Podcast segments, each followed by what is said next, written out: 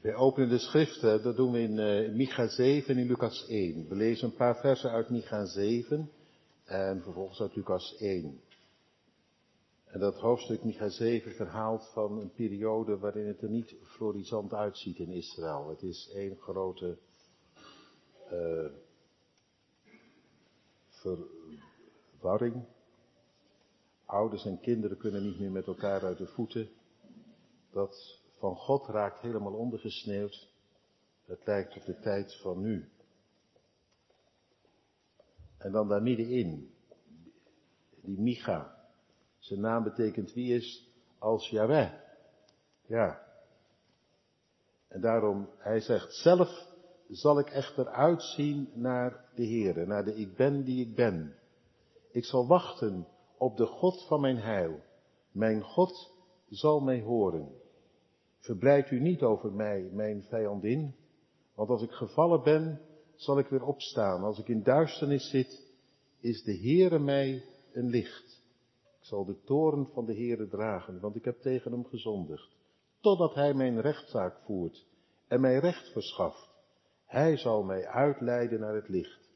Ik zal zijn gerechtigheid zien. En dan in Lucas 1, dat was zo'n zeven eeuwen daarna, maar ook toen. En dan ga ik, dat komt in de preek vanzelf wel voorbij. Was het geen, uh, geen beste tijd. Trouwens, als je de geschiedenis doorgaat, denk ik dat hij er nooit is geweest. Het lijkt altijd weer ook op de tijd van nu. En de tijd van nu die lijkt op de tijd van toen. Maar daar middenin. Daar middenin geschiet het. Altijd. Ook dat. Hoor maar. Lucas 1. Aangezien velen ter hand hebben genomen een verslag op te stellen van de dingen die onder ons volkomen zekerheid hebben, Zoals zij die vanaf het begin ooggetuigen en dienaren van het woord zijn geweest, aan ons over hebben, aan ons overgeleverd hebben, heeft het ook mij goed gedacht, na alles van tevoren, aan nauwkeurig onderzocht te hebben, het geordend voor u te beschrijven, hooggeachte Theophilus, opdat u de zekerheid kent van de dingen waarin u bent onderwezen. En dan komt het, dat wat toen gebeurde. In de dagen van Herodes, de koning van Judea, was er een priester van de afdeling van Abia, van wie de naam Zacharias was. En zijn vrouw behoorde tot de dochters van Aaron en haar naam was Elisabeth. Zij waren beide rechtvaardig voor God en wandelden onberispelijk volgens alle geboden en verordeningen van de Heere. En ze hadden geen kind, omdat Elisabeth onvruchtbaar was en zij beiden op hoge leeftijd waren gekomen. Tot zover. Het thema voor de preek is Advent, om te beginnen, uitzien tegen de verdrukking in. Advent, uitzien tegen de verdrukking in. Gemeente van Christus, broeders en zusters, hebt u dat ook? Ik bedoel, dat als er, iets, als er iets in het verschiet ligt, dat, dat je eens te meer motiveert om ervoor te gaan. Ik heb dat wel. Als ik weet dat er s'avonds iets gezelligs aan zit te komen, dan helpt mij dat extra de dag door.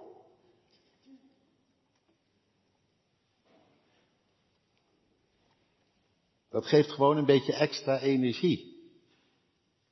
Apart is dat, hoe dat werkt bij ons. Heb je ook met een kind, als je het wat belooft, dan wordt het daar blij van en dan kun je wat extra's vragen.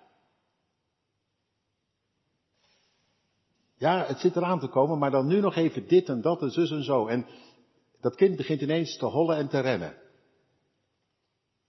Het lijkt ineens veel meer bereid om gewoon wat extra's te doen, een tandje bij te zetten. Zo zitten wij blijkbaar in elkaar. En God, God, die speelt daarop in. Had u misschien nooit niet zo bedacht, maar hij doet dat echt. Keer op keer komt hij met een belofte. van wat eraan zit te komen, van wat Hij met ons voor heeft. En juist door die belofte heen houdt Hij bij ons de gang erin. Dat we niet opgeven. Niet denken, ja, waar doe ik het allemaal voor? Nee, het gaat ergens naartoe. Er is reden voor.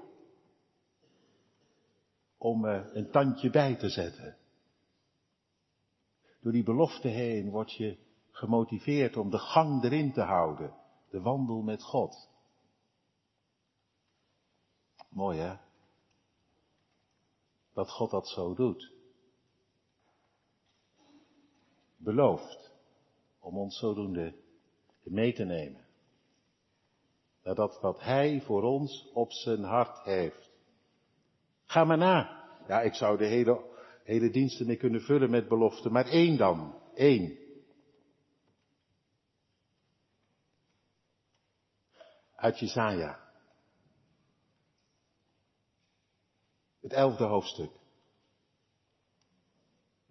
Al, al, al, al ligt alles tegen de vlakte, al is die boom, die prachtige boom van Israël, afgehouwen en blijft alleen een tronk over. Ik beloof het je, op een dag, een twijg, een lood, die ineens opschiet.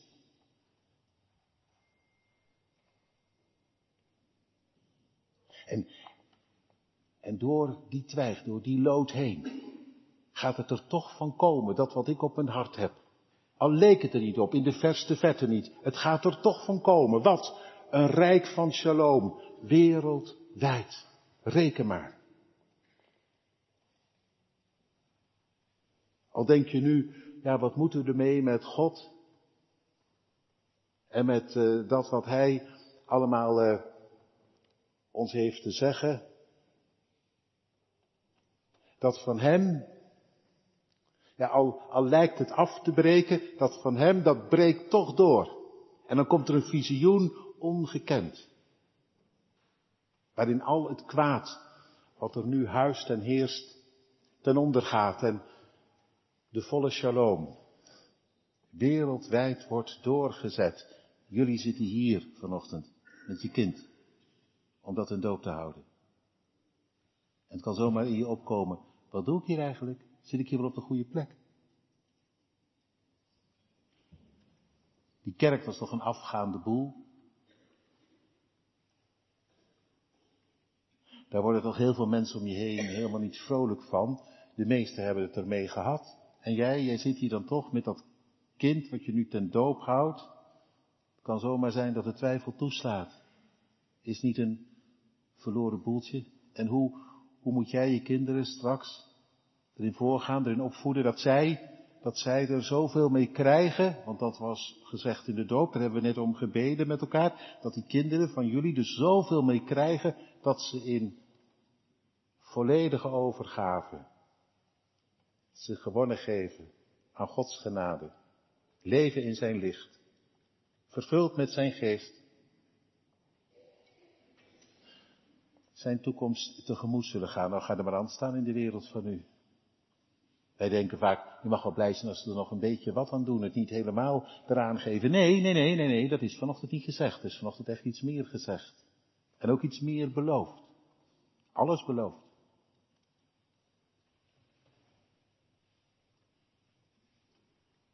Dit.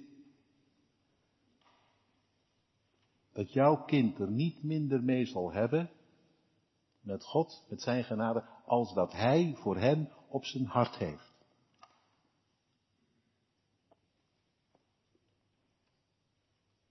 Dat is de belofte. Dat is het visioen. En dat we erin zullen delen in dat geweldige koninkrijk. Waarin Jesaja 11 al over werd gesproken. Jij met je kinderen straks in dat rijk van Hem. Dat je leven niet eindigt in de dood, verloren, in verderf, moet er niet aan denken. Jij met je kind eindigen in dood en verderf. En dat is het dan. Moet er niet aan denken. Nee, nee, zegt God, wat mij betreft, het, het zal zijn. Dat jullie samen met je kind gezegend worden in die lood, in die twijg, die opschiet. En dat je het ervan hebben mag, van hebben zult, wat mij betreft, door de doop heen. Het werd zichtbaar gemaakt. Dat is wat ik toezeg, wat ik beloof. Je zit hier op de goede plek. Echt, als het gaat om de toekomst, voor jezelf, voor je kind, je zit hier op de goede plek. Je kunt niet beter, geen betere plek hebben. Echt. Al lijkt het af te breken aan alle kanten. Goed dat je hier zit. Goed dat je hier bent. Goed dat je hier met je kind kwam. Het is mijn belofte voor jou. Onomwonden. Zo zeker als het water over het hoofd van je kind heen stroomt. Je hebt het zelf gezien. Zo zeker. Mijn woord.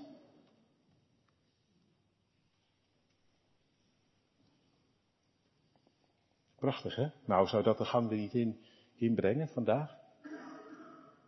Misschien zat de gang er al in, dat je al lang in gebed was voor je kind, terwijl je verwachting was, dat je je handen om je buik heen legde soms. Nou ja, of soms, misschien wel elke dag. Waarom niet? En zei, oh God, mijn kind wordt geboren in een wereld die er niks mee heeft, waarin alles steeds onzekerder wordt en dat van u steeds verder afbreekt, maar alstublieft. Ik leg het bij voorbaat in uw handen. Dat u naar mijn kind, naar mijn kinderen omziet. Dat het van u zal zijn. En niet van iedereen. En uiteindelijk dat de duivel ermee aan de haal gaat. Met zijn of haar ziel.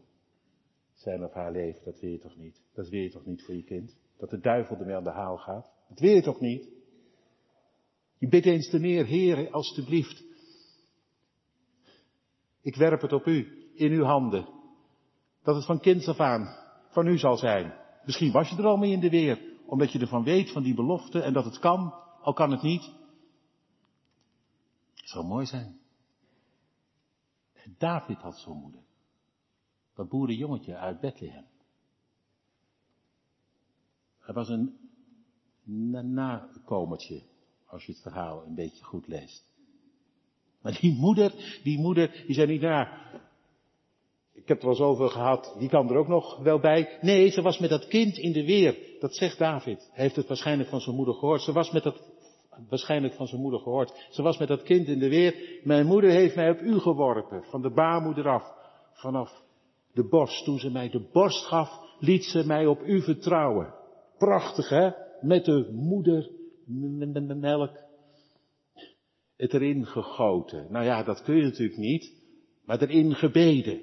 Dat, dat is nog eens verwachten. Verwachting hebben van God. Moet kijken wat er van dat jongetje geworden is. Had die moeder zelfs niet kunnen dromen. Boven bidden, boven denken. Man naar Gods hart. Gezalfde. Nou.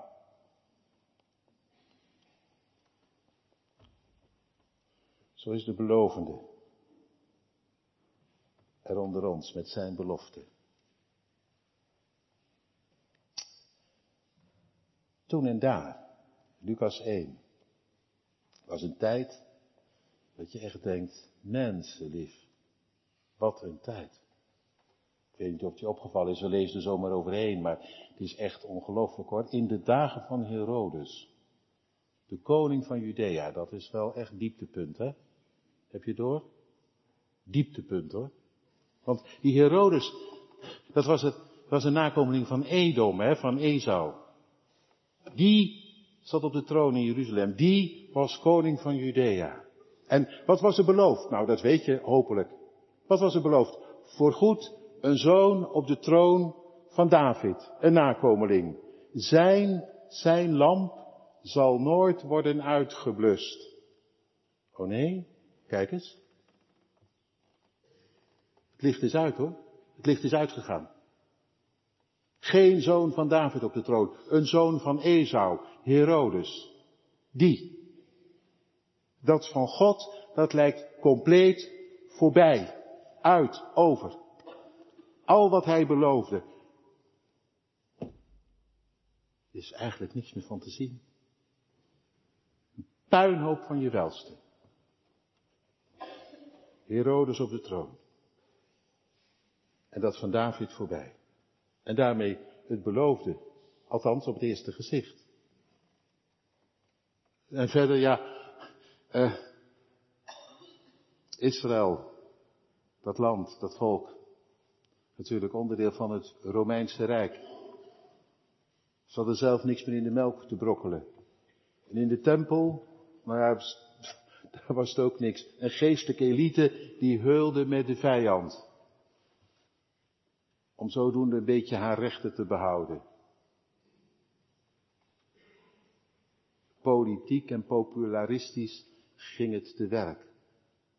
Om niet te veel uit de toon te vallen. Echt een puinhoop van je welste. Gewoon de tijd van toen. Men zegt wel eens, oh het is nu zo'n tijd, dat hebben we nog nooit gehad. Nou, valt reuze mee hoor, moet ik u zeggen, valt reuze mee. Het is nu een betere tijd als toen. Echt. Intussen, hè, hier in Ede alleen al, een kerk vol. En, niet de enige kerk, kerken vol. En, en, vandaag zijn er in Nederland zomaar een miljoen die naar de kerk gaan. Wist u dat? Dus gaan er nog altijd meer naar de kerk dan naar het voetbal. Mag ook wel eens een keer gezegd worden, dus valt reuze mee hoor. Het is echt niet enkel alleen maar misère. En wereldwijd gezien, miljoenen, miljarden zelfs, die op de een of andere manier verbonden zijn aan hem. Ja, die ontelbare schade zit er intussen aan te komen. 2000 jaar christendom heeft echt wat opgeleverd. Zeggen mensen wel eens, wat levert dat nou op? Wat haalt dat nou uit? Nou, echt wel. Een ontelbare schade uit alle volken, talen, geslachten, naties. Zelfs hier vanochtend in Ede opnieuw. Zes kinderen gedoopt. Ertoe bestemd om toegevoegd te worden aan die schade. In Israël ingelijfd om de naam van Sions kinderen te dragen. Wat God betreft, het gaat ook nu door. Dus het valt allemaal reuze mee. Wou ik maar eens mee beginnen. Hè? De kranten staan er vol van dat het erger is dan ooit, maar is echt niet waar. Ik zou bijna zeggen dat is ook fake nieuws. Al hebben ze natuurlijk ergens wel gelijk. Tuurlijk, ik weet ook van de neergang. Tuurlijk, tuurlijk. Ik ben ook heus niet blind. Echt niet. In Rotterdam. De ene kerk naar de andere gesloten. Drama, tragiek, tot en met. Ik weet het heus wel. En toch, dat van God, dat gaat ook door, hè? Ook nu vandaag, net als toen. Toen, ja, wat gebeurde er toen eigenlijk? Nou, je moest heel goed kijken. Gaan we even doen. Even heel goed kijken nu. Ik zei het al, Herodes op de troon, dat van David voorbij, die lamp leek uitgeblust, dwars tegen Gods belofte in, dat van de wereld, van rondom, bleek toch krachtiger dan dat wat God had toegezegd, althans op het eerste gezicht. Want Lucas die schrijft erbij, Zacharias van de priesterafdeling Abia. Is dat, geen is dat niet een beetje overbodige informatie? Nou, nee, toch niet. Weet je waar dat vandaan kwam, die priesterafdeling? Dat was een rooster wat ooit door David was opgesteld. Een priesterrooster. De priesterafdeling van Abia. Yahweh is mijn Abba, betekent dat. Dat was het enige wat er aan David herinnerde. Heel klein teken. Heel klein teken. Je zou ook bijna zeggen, de lamp was op het eerste gezicht uitgeblust, maar dan keek je nog een keer, nog een heel klein wakkerend vlammetje. Toch, het rooster van toen, dat werd nog steeds gehanteerd de priesterafdeling van Abia. Alles moet je wel heel goed kijken, hè. En om daar dan geloof in te hebben, dat is niet niks. Om daar geloof in te hebben. En denk en toch, dat vlammetje, dat gaat het winnen. Te midden van al dat andere. Wat nu heerst. is maar één keer doen en het is uit. En toch, daarbij Elisabeth. Zij was een dochter van Aaron. Nou, dat was van nog langer geleden. Dat hele genadige van God. Altaar, offer, verzoening. Zij kwam uit dat geslacht. En zij was daar zelf een levend teken van. Ja, die twee, Zacharias en Elisabeth. Samen. Samen ook een levend teken dat het niet voorbij was. Ga maar na. Naam Zacharias betekent de Heere gedenkt. En de naam van Elisabeth, God is mijn eed. Nou heb je het hele verbond. God gedenkt. Ga door. Op wat hij eerder heeft gezegd. Kun je hem houden. Al vergeet jij het, hij vergeet het niet. En de Heer is mijn eed. Heeft een eed opgedaan, hè? Hij heeft gezegd, zo waarachtig als ik leef. Ik leef niet meer als ik niet doe wat ik zeg. Je kunt me eraan houden. Ik heb het je gezworen. Dat is meer dan alleen beloofd. Die twee. Die namen. Die twee namen van hen. En het was niet alleen maar een naam die ze gekregen hadden. Want wij, ja, kun je voorstellen toen ook, hè, dat ouders hun kinderen prachtige, veelbelovende namen gaven. Mooi die naam, met die betekenis, prachtig ook. Maar, maar bij die twee waren die namen ook werkelijkheid geworden. Werkelijkheid. Daar leefden ze van, want er staat van hen beiden dat ze rechtvaardig waren. Wat betekent dat? Nou, dan zie je van die hele rechtschapen mensen, hè. Misschien heb je nu wel een beeld. Maar dat betekent het niet hoor. Dat betekent het echt niet. Dat betekent echt iets meer. God zij dank. Niet een beetje rechtschapenheid die er vanaf druipt. Waarbij van maar de vraag is, als je achter de schermen dan kijkt of het klopt. Hè? Nee. Daar moet je niet aan denken bij die twee. Rechtvaardig, dat had die recht om het lijf. Dat betekent open en eerlijk voor God. Dat is rechtvaardig. Hè? Dat is sediek. Dat is, dat is recht toe, recht aan. Ben je het wel eens geworden voor God? Recht toe, recht aan. Heeft niks te maken met zwaar of licht, met orthodox of evangelisch of weet ik niet wat al. Dat heeft te maken met dat je voor God komt als mens en ophoudt jezelf iets te verbeelden. En alleen maar onder vier ogen met Hem. Eerlijk wordt over jezelf, tot jezelf komt. Tegenwoordig heet dat authentiek worden. Authentiek wezen. Ben eens authentiek geweest? Weg bij alle verbeelding en bedrog en gewoon op je knieën voor God. En dan, dan maakt het helemaal niks meer uit, lieve mensen, of je hier een leven lang in de kerk hebt gezeten of vanochtend hier voor het eerst bent, dan krijg je ongeveer altijd hetzelfde. Gewoon een mens. Met alles erop en eraan. En dat het er voor God niet in zit, hart bedoel ik dan, en liefde. En dat je niet veel meer kunt opbrengen dan twee dingen. Angst voor God, waarvoor je, waar je dan voor hem kruipt. Of, of verzet tegen God, gewoon weerzin. Dat is vijandschap in twee vormen. Hè? Vijandschap kan zich uiten in angst voor de vijand. Dan kruip je weg. Of dan probeer je in de gunst te komen. Of verzet. Dan wijs je het gewoon radicaal af. Een grote mond. Weet je wel, zoiets. Nou, veel meer zit er bij ons niet in, zegt de Bijbel. Hebben we net ook trouwens gehoord in het doopsformulier. Ik weet niet of je het weet, maar niet dat je kind zo alleen maar lief en aardig is. Natuurlijk is het lief en aardig. Maar er ging water overheen, het ging eigenlijk onder water. En dat wil zeggen, er zit niet meer in voor God.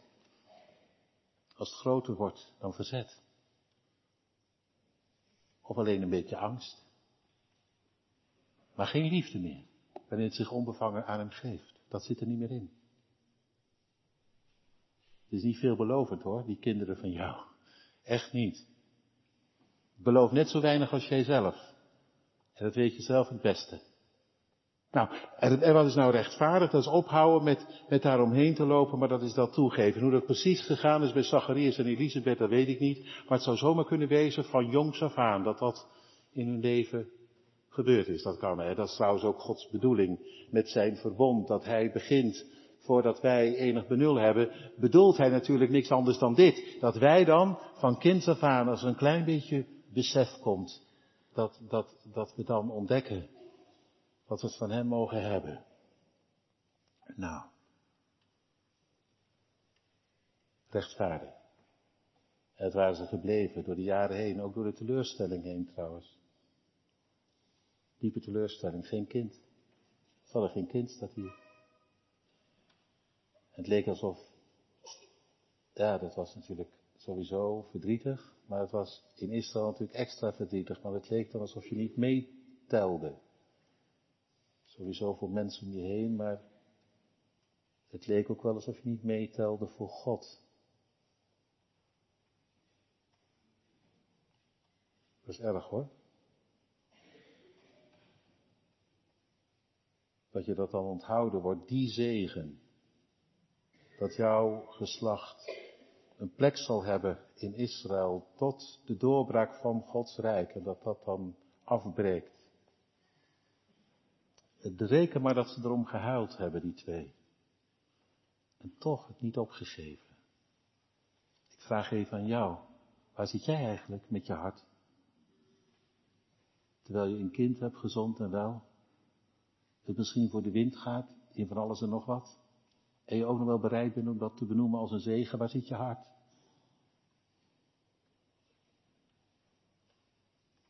En zelfs al ging het door verdriet en teleurstelling heen, dan vraag ik het nog een keer. Wat is er gebeurd? Van God weggeraakt of juist eens te meer naar hem toegevlucht? Die twee, die hebben het geweten, te midden in de teleurstelling die hen overkwam. Al krijgen we niet wat we zo ontzettend verlangen, door God zelf gezien, toch, zeker, zeker weten. En zodoende hebben ze het volgehouden. Wat?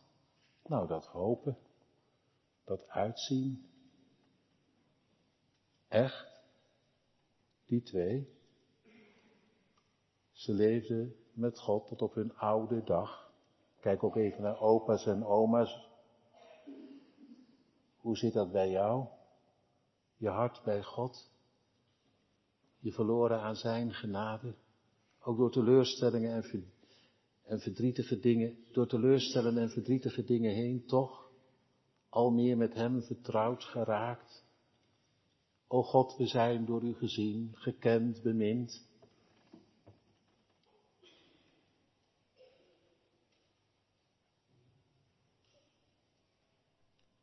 Nou kijk dan, toen en daar, die Zacharias, die Elisabeth, de priesterafdeling van Abia, zij uit het geslacht van Aaron. Het leek allemaal verleden tijd en toch, dat was hun hoop. Dat dat van God beloofd aan David en zichtbaar geworden al in de hele offerdienst van Aaron, dat dat zich toch door zou zetten. Zoals beloofd. Die twee, ze leefden erbij. Ze gingen erop aan, samen met, met nog wat anderen. Want dat staat in het vervolg. Elke dag kwamen er mensen daarbij in de tempel. Ze kwamen samen om te bidden. Waar baden ze dan om? Nou ja, sowieso natuurlijk om, om, om Gods vriendelijk aangezicht over hun leven. Want ja, dat heb je elke dag heb je dat nodig. Dat Hij in genade omziet en dat Hij in zijn trouw met je doorgaat. Maar ook daar samen om te bidden en uit te zien naar dat wat God beloofd had, midden in die wereld van toen, dat Herodes op de troon zat, dat ze onderdeel waren van het Romeinse Rijk, eigenlijk niks in de melk te brokkelen hadden, zich alleen maar hadden te schikken, maar daar middenin samengestroomde menigte. En, en Zacharias en Elisabeth, die hoorden daarbij. Zacharias nam zelfs een eigen plek in. Priester. Dus het komt later in het vervolg naar voren. Hij was op een gegeven moment aangewezen die dag dienst te doen. Hun leven lange, hun levenslange gebed. Nee, dat gebed om een kind, dat was natuurlijk op een gegeven moment opgehouden. Maar toch, ze hadden doorgebeden om de komst van de Messias. Dat, Zacharias hoort het, verhoord. Tegen de verdrukking in, erop gehoopt. En nu de vraag aan u, aan jou, aan mij. Aan jou om te beginnen in de wereld van nu. En je zit niet bij uh, de losers. Je ziet wat God betreft bij hen die meer dan overwinnaar zullen zijn. Te midden van alles wat ons overkomt. Daar zit je. En al is er om je heen heel veel wat daar tegenin gaat, mijn vraag, de vraag vanuit dit gedeelte aan jullie. Is er hoop, verlangen, gebed tegen de verdrukking in? Ook als het in Ede er minder op wordt, zichtbaar, mensen om je heen afhaken. En jij, wat doe jij? Eens te meer aanhaken. Bedoel, aan de troon van Gods genade, hem aanhangen, zeggen, God, mijn hart zit ook vol twijfel en ik weet niet hoe het moet met mijn kinderen, maar alstublieft, u bent de levende, van toen en daar, van de doop, die dag. Een klein teken, een paar druppels. Het is, het is niet indrukwekkend, vind je wel?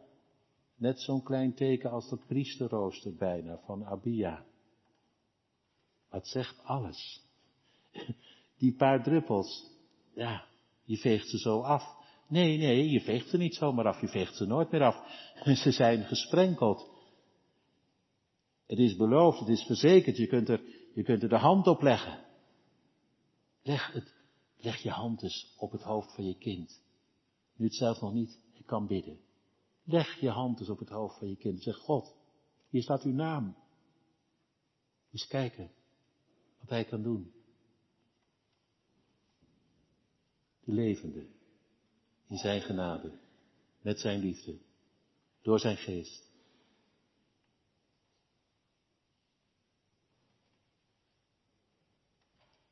Je niet laten leiden door door alles wat je om je heen ziet. Dat hebben die twee niet gedaan, Zacharias en Elisabeth. Want dan hadden ze gewoon een punt gezet. Dan hadden ze gezegd, het is gewoon voorbij, het is uit, over, verloren. Kijk maar, het bewijs zichtbaar. Herodes zit op de troon, het is gewoon echt allemaal over. We kunnen het vergeten. Dat hebben ze niet gedaan. Ze hebben, ze zijn afgehaald met hele kleine teken. Toch, nageslacht van Aaron ingedeeld bij het priesterrooster van Abia. God, dat van u. Het lijkt nergens meer op. Uit de afgehouwen tronk zou toch een lood ontspringen. Dat, dat geloof. Dat, dat gaat niet uit van logica, maar dat leeft bij Gods belofte. Dat vraag ik ook jou. Wat ga jij doen? Vandaag en morgen en overmorgen. Wat ga je doen? Geloven, bidden, roepen tegen de verdrukking in of laat je het maar lopen en denk je, joh, weet het ook niet hoor. Wat ga je doen? Dat is echt aan jou, hè? Van Gods kant uit is er geen, is er geen vraag. Het is alleen maar een belofte. De vraag is, jij, nu, vandaag en morgen. Oh ja, even ouders en grootouders erbij, want die twee waren op leeftijd en ze hadden zelf geen kinderen. Vind ik wel apart. Nou, als je kleinkinderen hebt, kan ik me niet voorstellen dat je dan maar denkt, nou ja, ik weet ook niet precies. Maar dat je dan samen met jouw kinderen en voor jouw kinderen je kleinkinderen dag in dag uit opdraagt. Moet ik ook hoor. Voor mijn kleinkinderen, want ik zie dat het helemaal niet vanzelf wel terecht komt lieve kinderen hoor. Ik hou ontzettend veel van ze, maar het gaat niet vanzelf terechtkomen. Het worden niet vanzelf kinderen die hun hart verliezen aan God en zijn genade. Die overtuigd raken van Hem. Echt niet. Ik bid ze, ik bid ze als het ware Gods erbarmen in. Ontfermt u zich. Moet ik ook.